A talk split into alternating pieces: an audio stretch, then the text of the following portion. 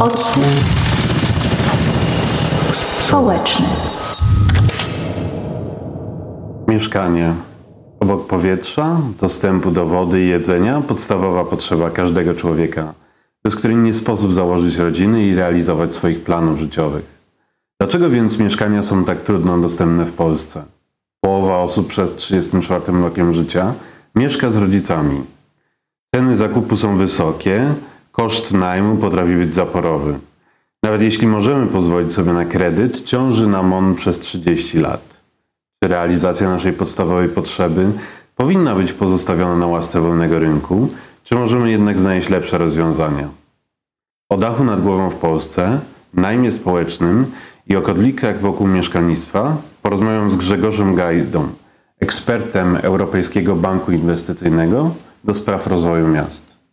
Nazywam się Konrad Wiślicz-Węgorowski i słuchacie odsłuchu społecznego. Poza dostępem do żywności, do wody, do powietrza, mieszkanie jest najbardziej podstawową potrzebą każdego człowieka. Bez niej nie sposób realizować swoich planów życiowych, żyć w społeczeństwie. Nie sposób jest funkcjonować w tym społeczeństwie. Jest to rzecz, o której powinniśmy pewnie myśleć jako o czymś, co, co powinno być podstawowym prawem człowieka. Chciałem Cię zapytać, jako eksperta, jako specjalistę, który bardzo dobrze zna rynek mieszkaniowy w Polsce, czy, czy Polska dobrze realizowała tę potrzebę? Czy zapewniała swoim obywatelom dostęp do możliwości zrealizowania tej potrzeby w satysfakcjonujący sposób? To jest bardzo dobre pytanie i ja to na to pytanie odpowiem, ale potem też to pytanie rozszerzę, ponieważ mieszkania to, to nie jest tylko kwestia prywatna, która dotyczy konkretnej rodziny. Dobrze zorganizowany sektor mieszkaniowy służy całości społeczeństwa i kiedy y, sektor mieszkaniowy działa dobrze, to z tego korzystają nie tylko mieszkańcy tych konkretnych mieszkań, ale wszyscy mieszkańcy miast czy wszyscy mieszkańcy państwa.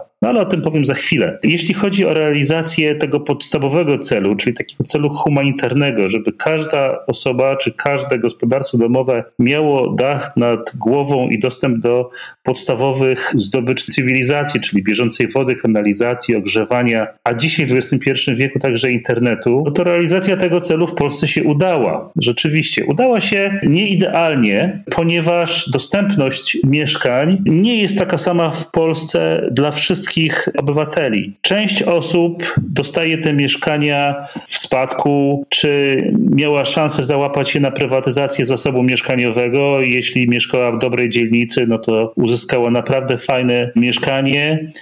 A część osób, ja mam tutaj teraz na myśli osoby młode, które migrują do wielkich miast, z mniejszych miejscowości czy ze wsi, te osoby na takie samo mieszkanie musiały bardzo ciężko zapracować. Musiały zapracować często biorąc też kredyt bankowy, który wiąże te osoby z miejscem pracy na 30 lat. A w momencie, kiedy ten kredyt był udzielony w walucie obcej i wartość złotówki spadła, co oczywiście obserwujemy w Polsce, to jest ten kryzys z frankiem, tak naprawdę te osoby stały się niewolnikami tego miejsca to jest pewnego rodzaju powrót do pańszczyzny.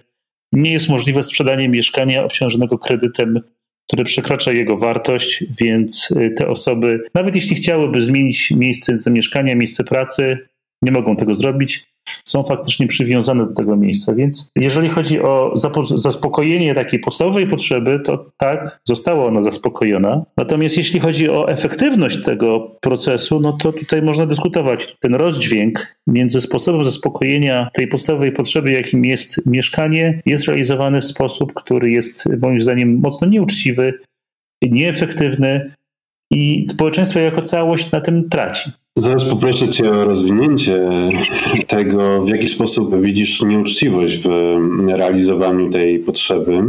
Ale powiedz mi, co jakiś czas pojawiały się programy polityczne w, w Polsce, które miały na celu zwiększenie możliwości realizowania tych potrzeb właśnie przez te osoby, o których mówisz młodsze osoby, poprzez osoby dojeżdżające, przyjeżdżające do pracy, przeprowadzające się do pracy do większych miast. Czy możesz mi pokrótce opisać, jakie to były rzeczy, jakie to były programy, z czym one się wiązały i czy one były efektywnym sposobem na to, żeby realizować tę potrzebę? A, a jeżeli nie, to jaki model realizowania tych potrzeb ty proponujesz?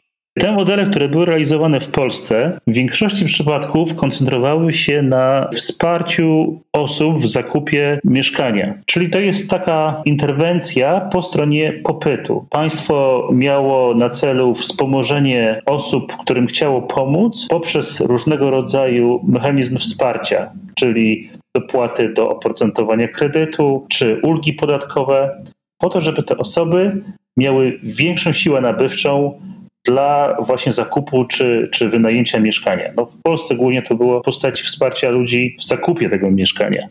Tutaj pokutuje do pewnego stopnia taka no już nieaktualna idea, idea neoliberalna, która pochodzi z rynku amerykańskiego, gdzie politycy byli przekonani, że dla dobrego funkcjonowania społeczeństwa należy dążyć do tego, żeby każda rodzina była właścicielem swojego mieszkania ten model raczej nie okazał się najbardziej efektywny. Europa Zachodnia poszła w drugą stronę. Moim zdaniem dzisiaj już widać wyraźnie, że model zachodnioeuropejski pokazał swoją wyższość i nie trzeba wcale być właścicielem mieszkania, żeby żyć godnie, żeby móc realizować swoje możliwości, swoje plany i żeby społeczeństwo funkcjonowało efektywnie. No ale o tym porozmawiamy za chwilę. Czyli w Polsce mechanizmy koncentrowały się głównie na, na wsparciu popytu. No i teraz pewnie większość ekonomistów, ja razem z nimi, pamięta rzeczy, które są wykładany na pierwszym roku ekonomii, czyli wsparcie dla popytu, no najczęściej powoduje wzrost ceny na rynku i także oczywiście wzrost ilości zawieranych transakcji. Przy czym ten wzrost ilości zawieranych transakcji zależy od tego, na ile elastyczna jest podaż. Rynek mieszkaniowy jest taki, że podaż nie może być specjalnie elastyczna, ponieważ zależy on od dostępności miejsca w miastach. To jest ograniczone. W związku z tym w Polsce, ale tak jak i w wielu innych krajach, w których miałem okazję pracować, jest bardzo jasna zależność. Jeżeli państwo wspiera mechanizmy podażowe, najczęściej cała cała praktycznie kwota wydana na te mechanizmy wsparcia poprzez mechanizmy rynkowe trafia w rezultacie nawet nie do tych pazernych deweloperów, o których często lubimy myśleć jako takich właśnie krwiopijcach, ale do ludzi, którzy są z tego czy innego powodu właścicielami działek budowlanych w mieście. Do osób, które nie wykonały żadnej pracy, nie podjęły żadnego ryzyka, a dostają, dostają wielki zarobek w postaci rosnących cen nieruchomości. I jak się obserwuje kraje, które się szybko rozwijają, to widać prostą zależność Praktycznie cały wzrost dochodu osoby, która migruje ze swojego poprzedniego miejsca zamieszkania, czyli z małego miasta bądź wsi, do dużego miasta, w całości jest konsumowany przez jego koszty związane z wynajęciem mieszkania i w efekcie ten cały zysk trafia do osób, które są właścicielami nieruchomości w tym mieście. Często są to spekulanci na rynku nieruchomości. To jest bardzo nieefektywne.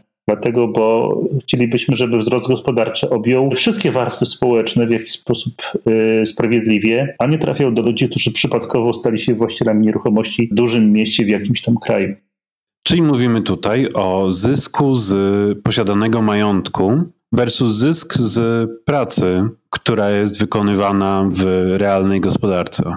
Tak jest, mówimy o tym. Przy czym ja rozróżniam dwie rzeczy, jeżeli mówimy o zysku z majątku. Jeśli powiedzmy ktoś podejmuje działalność zarobkową na rynku, gdzie musi zainwestować majątek i ponosi ryzyko związane z tym majątkiem, to można znaleźć wytłumaczenie dla zysku osiąganego przez tę osobę jako wynagrodzenie za ponoszone przez tę osobę ryzyko. Natomiast w przypadku nieruchomości, szczególnie nieruchomości w dużych miastach, w kraju rozwijającym się, nie ma praktycznie żadnego ryzyka związanego z inwestowaniem na tym rynku. Natomiast zyski są bardzo wysokie i w żaden sposób nieuzasadnione jakąkolwiek działalnością tej osoby. To czysto zysk spekulacyjny. Nie uważam, że to jest zysk, który w jakiś sposób jest uzasadniony.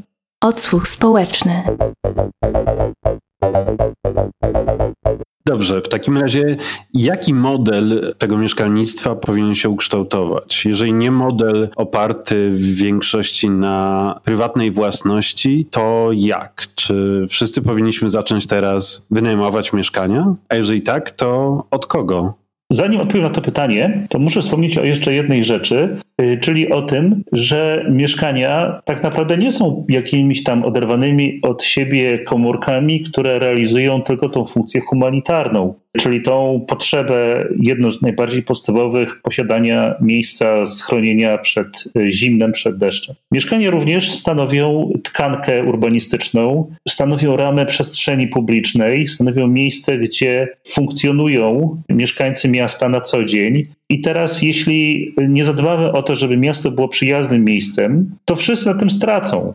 Takimi miastami są na przykład, tak jak znamy z filmów, miasta krajów latynoamerykańskich bądź miasta krajów afrykańskich, miasta, gdzie są pewnego rodzaju wyspy bogactwa, super zamożne okolice, powiedzmy z dobrymi szkołami, z, dobry, z dobrą opieką lekarską i z armią prywatnych ochroniarzy, którzy tego pilnują. I te obszary są otoczone morzem slumsów, które są y, ogniskiem biedy, przestępczości i kompletnego braku perspektyw. Posiadanie tak ukształtowanego miasta powoduje, że wszyscy na tym tracą. Mieszkańcy zamożniejszych dzielnic czują się wyalienowani, wyobcowani i ich możliwości funkcjonowania w mieście są ograniczone. Nie mówiąc już o osobach, którzy mieszkają w slumsach. Oni nawet mogą nie mieć adresu, więc są ograniczeni nawet w możliwości otrzymywania korespondencji pocztowej, co uniemożliwia funkcjonowanie w społeczeństwie, poszukiwanie pracy i próbowanie chociażby poprawienia swojego losu przez podejmowanie prób szukania pracy, czy, czy edukacji, czy czegokolwiek. Spychanie ludzi do takich warunków tak naprawdę uniemożliwia wykorzystanie potencjału, który w tych ludziach oczywiście drzemie. W związku z tym dla wzrostu gospodarczego, tak, to na, nawet nasi liberałowie podkreślają tą konieczność całego wzrostu. Mu, musimy zadbać o to, żeby ten potencjał był wykorzystany. Więc nawet z czysto neoliberalnego punktu widzenia Musimy zadbać o to, żeby miasto było miejscem, gdzie wszyscy mogą funkcjonować i realizować swoją, swoje możliwości. Nawet jeśli nie jesteśmy socjalistami, to i tak chcemy, żeby te miasta były takim mechanizmem, który każdemu zapewnia możliwość swojej samorealizacji. Czy nie uważasz w takim razie, że te bardzo słuszne założenia, o których wspominasz, nie jest łatwiej realizować w sytuacji, w której mieszkanie jest Twoją własnością? Kiedy czujesz silne przywiązanie do posiadanego mieszkania, a więc również czujesz przywiązanie do terenu, który je otacza i czujesz większą odpowiedzialność za tą przestrzeń. Czy nie jest tak, że łatwiej ci w takim modelu kształtować, budować tą wspólnotę lokalną, która pewnie będzie lepiej realizowała te wszystkie możliwości? To, o czym wspominasz, oczywiście jest prawdą, ale jest kwestia proporcji. Jeśli zbudujemy model w całości oparty na własności, Naturalnie taki model migruje do segregacji, do tworzenia biedy albo zamkniętych osiedli z ochroną dla bogaczy. I to jest coś, co jest powszechne. Tak samo wygląda miasto zarządzane w ten sposób na Ukrainie, jak i w Afryce Ameryce Łacińskiej również. Innego rodzaju model też niesie za sobą pewne ryzyka. Tutaj przykładem może być Francja, która w pewnym momencie stwierdziła, że postawi na model w całości oparty na wynajmie i budowała takie satelitarne mini miasta na obrzeżach swoich dużych metropolii. Tam własności praktycznie nie było żadnej. Więc rzeczywiście zabrakło kogoś, kto w jakiś sposób czułby się z tym miejscem związany i byłby zainteresowany w jego rozwoju. Obecnie francuski rząd prowadzi politykę zwiększania jakby zakresu prywatnej własności tych osiedlach, w których do tej pory praktycznie wszystkie mieszkania należały do państwa i były wynajmowane. W związku z tym uważam, że takim optymalnym modelem, i teraz właśnie do, dochodzimy do tego pytania właśnie, które zadałeś mi wcześniej, jaki jest optymalny model? Moim zdaniem optymalny model jest taki, który zakłada maksymalne wymieszanie w ramach pojedynczych budynków osób z różnych grup społecznych na różnym y, poziomie, z różnym poziomem wykształcenia, z różnym poziomem kapitału kulturowego. Wydaje mi się, że dla Polaków, szczególnie tych, którzy pamiętają jeszcze okres przed 89 rokiem i mieszkali akurat w jakimś tam dużym mieście, to jest, to jest model, do którego oni przywykli. Ja sam wyrosłem na osiedlu na blokowisku, gdzie w budynku, w którym mieszkałem, byli, byli wszyscy. Byli prywatni przedsiębiorcy, lekarze, pracownicy fabryk. Była jedna osoba, która była policjantem, inny człowiek był pracownikiem więzienia, sąsiadem był organista. Wszyscy się znaliśmy, wszyscy się w jakiś sposób wspieraliśmy. Nasze dzieci, znaczy to ja też byłem tym dzieckiem, bawiliśmy się razem na podwórku. Znaczy zawsze była taka sytuacja, że każdy mógł komuś pomóc w sytuacji, kiedy akurat ta osoba miała możliwość pomocy sąsiadowi. W związku z tym ta różnorodność była tak naprawdę korzystna i bardzo dobrze się mieszkało na takim osiedlu. Wydaje mi się dużo lepiej niż na obecnym osiedlu chronionym, gdzie wszyscy wykonują tą samą pracę i są odgrodzeni od całej reszty miasta płotem i bramą z ochroniarzem. Czy taki dobry model możemy zaobserwować teraz gdzieś w Europie?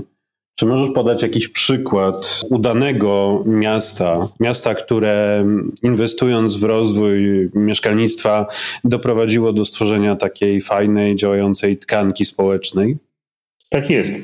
Takimi miastami są miasta holenderskie. Praktycznie wszystkie miasta zachodniej Europy realizują ten model w taki czy inny sposób, ale najbardziej przemawia do mnie sposób, w jaki jest to realizowane w Holandii. A wynika to z tego, że w Holandii realizacją tych projektów mieszkaniowych zajmują się jednostki, które są w całości oparte na samofinansowaniu. One realizują bardzo ważną funkcję społeczną, czyli budują mieszkania na wynajem z niskim czynszem regulowanym przez państwo, dostępnym dla dochodów ludności, która spełnia warunki dochodowe, czyli jest limit dochodu, to jest 37 tysięcy euro rocznie i poniżej tego dochodu można się ubiegać o mieszkanie w takim właśnie zasobie mieszkaniowym realizowanym przez te podmioty. Natomiast te podmioty, budując te mieszkania z tym niskim czynszem właśnie dla tej grupy społecznej, robią to w oparciu o zgromadzony przez ponad 100 lat majątek, czyli majątek w postaci osiedli mieszkaniowych, których y, część mieszkań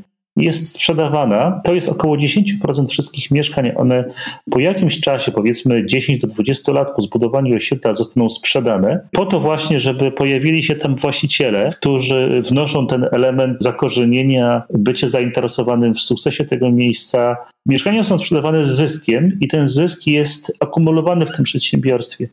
Przedsiębiorstwa te mają naprawdę gigantyczną ilość zgromadzonego przez ponad 100 lat kapitału, który pozwala im budować naprawdę bardzo dużo, bardzo wysokiej jakości mieszkań. No i ponieważ one są właścicielami tego mieszkania i jakby ich model biznesowy polega na tym, że te mieszkania będą sprzedane po jakimś czasie, no te 10% mieszkań będzie sprzedane, to dbają o te mieszkania i są zainteresowane tym, żeby cały czas one były wysokiej jakości, więc nikt nie odkłada remontów na czas późniejszy, bo akurat teraz są inne potrzeby, tylko te remonty są realizowane zgodnie z oryginalnie założonym planem. I te plany są planami finansowymi, które są tak zatwierdzane, żeby pieniądze na te planowane remonty zawsze były. To jest model, który mi się bardzo podoba i muszę powiedzieć, że to, co w Polsce się dzieje, szczególnie jeśli chodzi o rozwój TBS-ów, w, jakim, w jakiś sposób przypomina mi ten model holenderski. TBS-ach widziałbym taki, no taki zalążek tego właśnie sektora mieszkaniowego, który chciałbym w Polsce widzieć na dużo większą skalę.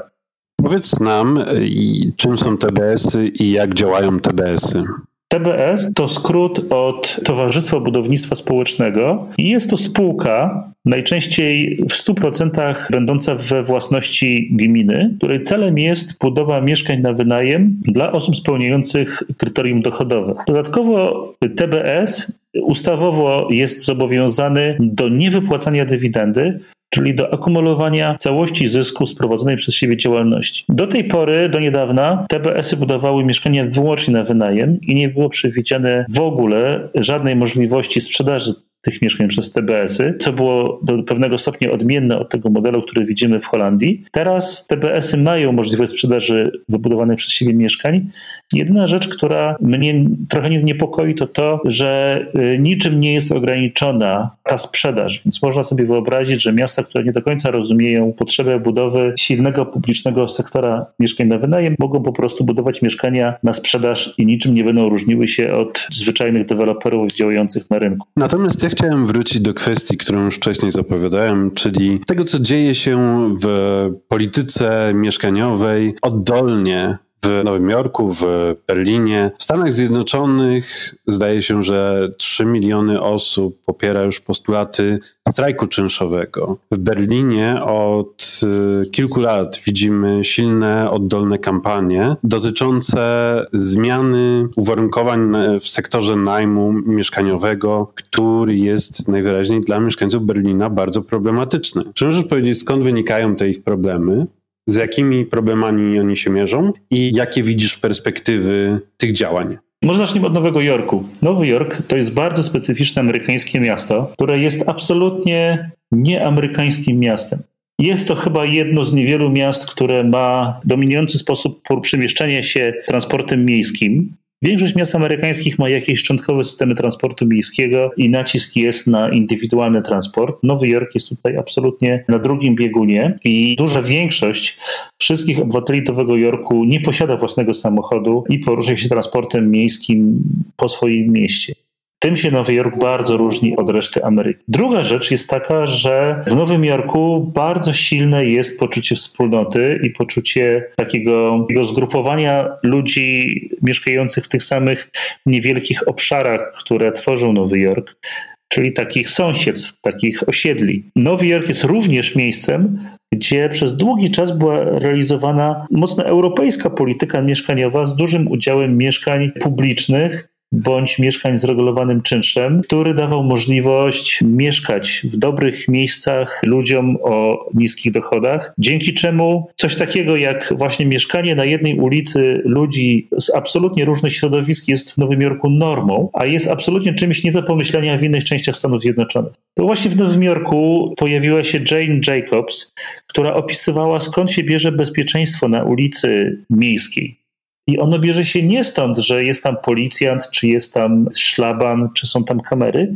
Bierze się stąd, że na ulicy są ludzie, na ulicy y, jest życie, na ulicy są mieszkańcy, matki z, dzieci, z dzieckiem i każda sytuacja, która odbiega od normy, jest natychmiast zauważana przez osoby, które mają do siebie zaufanie które dzięki temu mogą podjąć jakieś działanie i zareagować na odmienną sytuację. Więc to jest Nowy Jork. Więc to, że właśnie w Nowym Jorku zaczęły się protesty przeciwko czynszom, nie dziwi mnie zupełnie. I rzeczywiście w Nowym Jorku jest tak, że bardzo wiele mieszkań, które są mieszkaniami, które były budowane z myślą o, tym, że będą to mieszkania z czynszem dostępnym, zostały sprywatyzowane przez wielkie podmioty inwestycyjne, które zaczęły próbować wyciągnąć z tych mieszkań jak największy wzrost. Więc rzeczywiście działalność tych podmiotów jest niezgodna jakby z zamysłem oryginalnym, który przyświecał budowie tych mieszkań. Podmioty te patrzą na zysk w krótkim terminie. Ich specyfika działalności jest taka, że nie liczy się w ogóle, co się dzieje w długim terminie, gdyż liczy się to, co pokażą wyniki najbliższego kwartału. Więc to bardzo ciekawa rzecz, że mamy z jednej strony właśnie takie silne społeczeństwo tego miasta,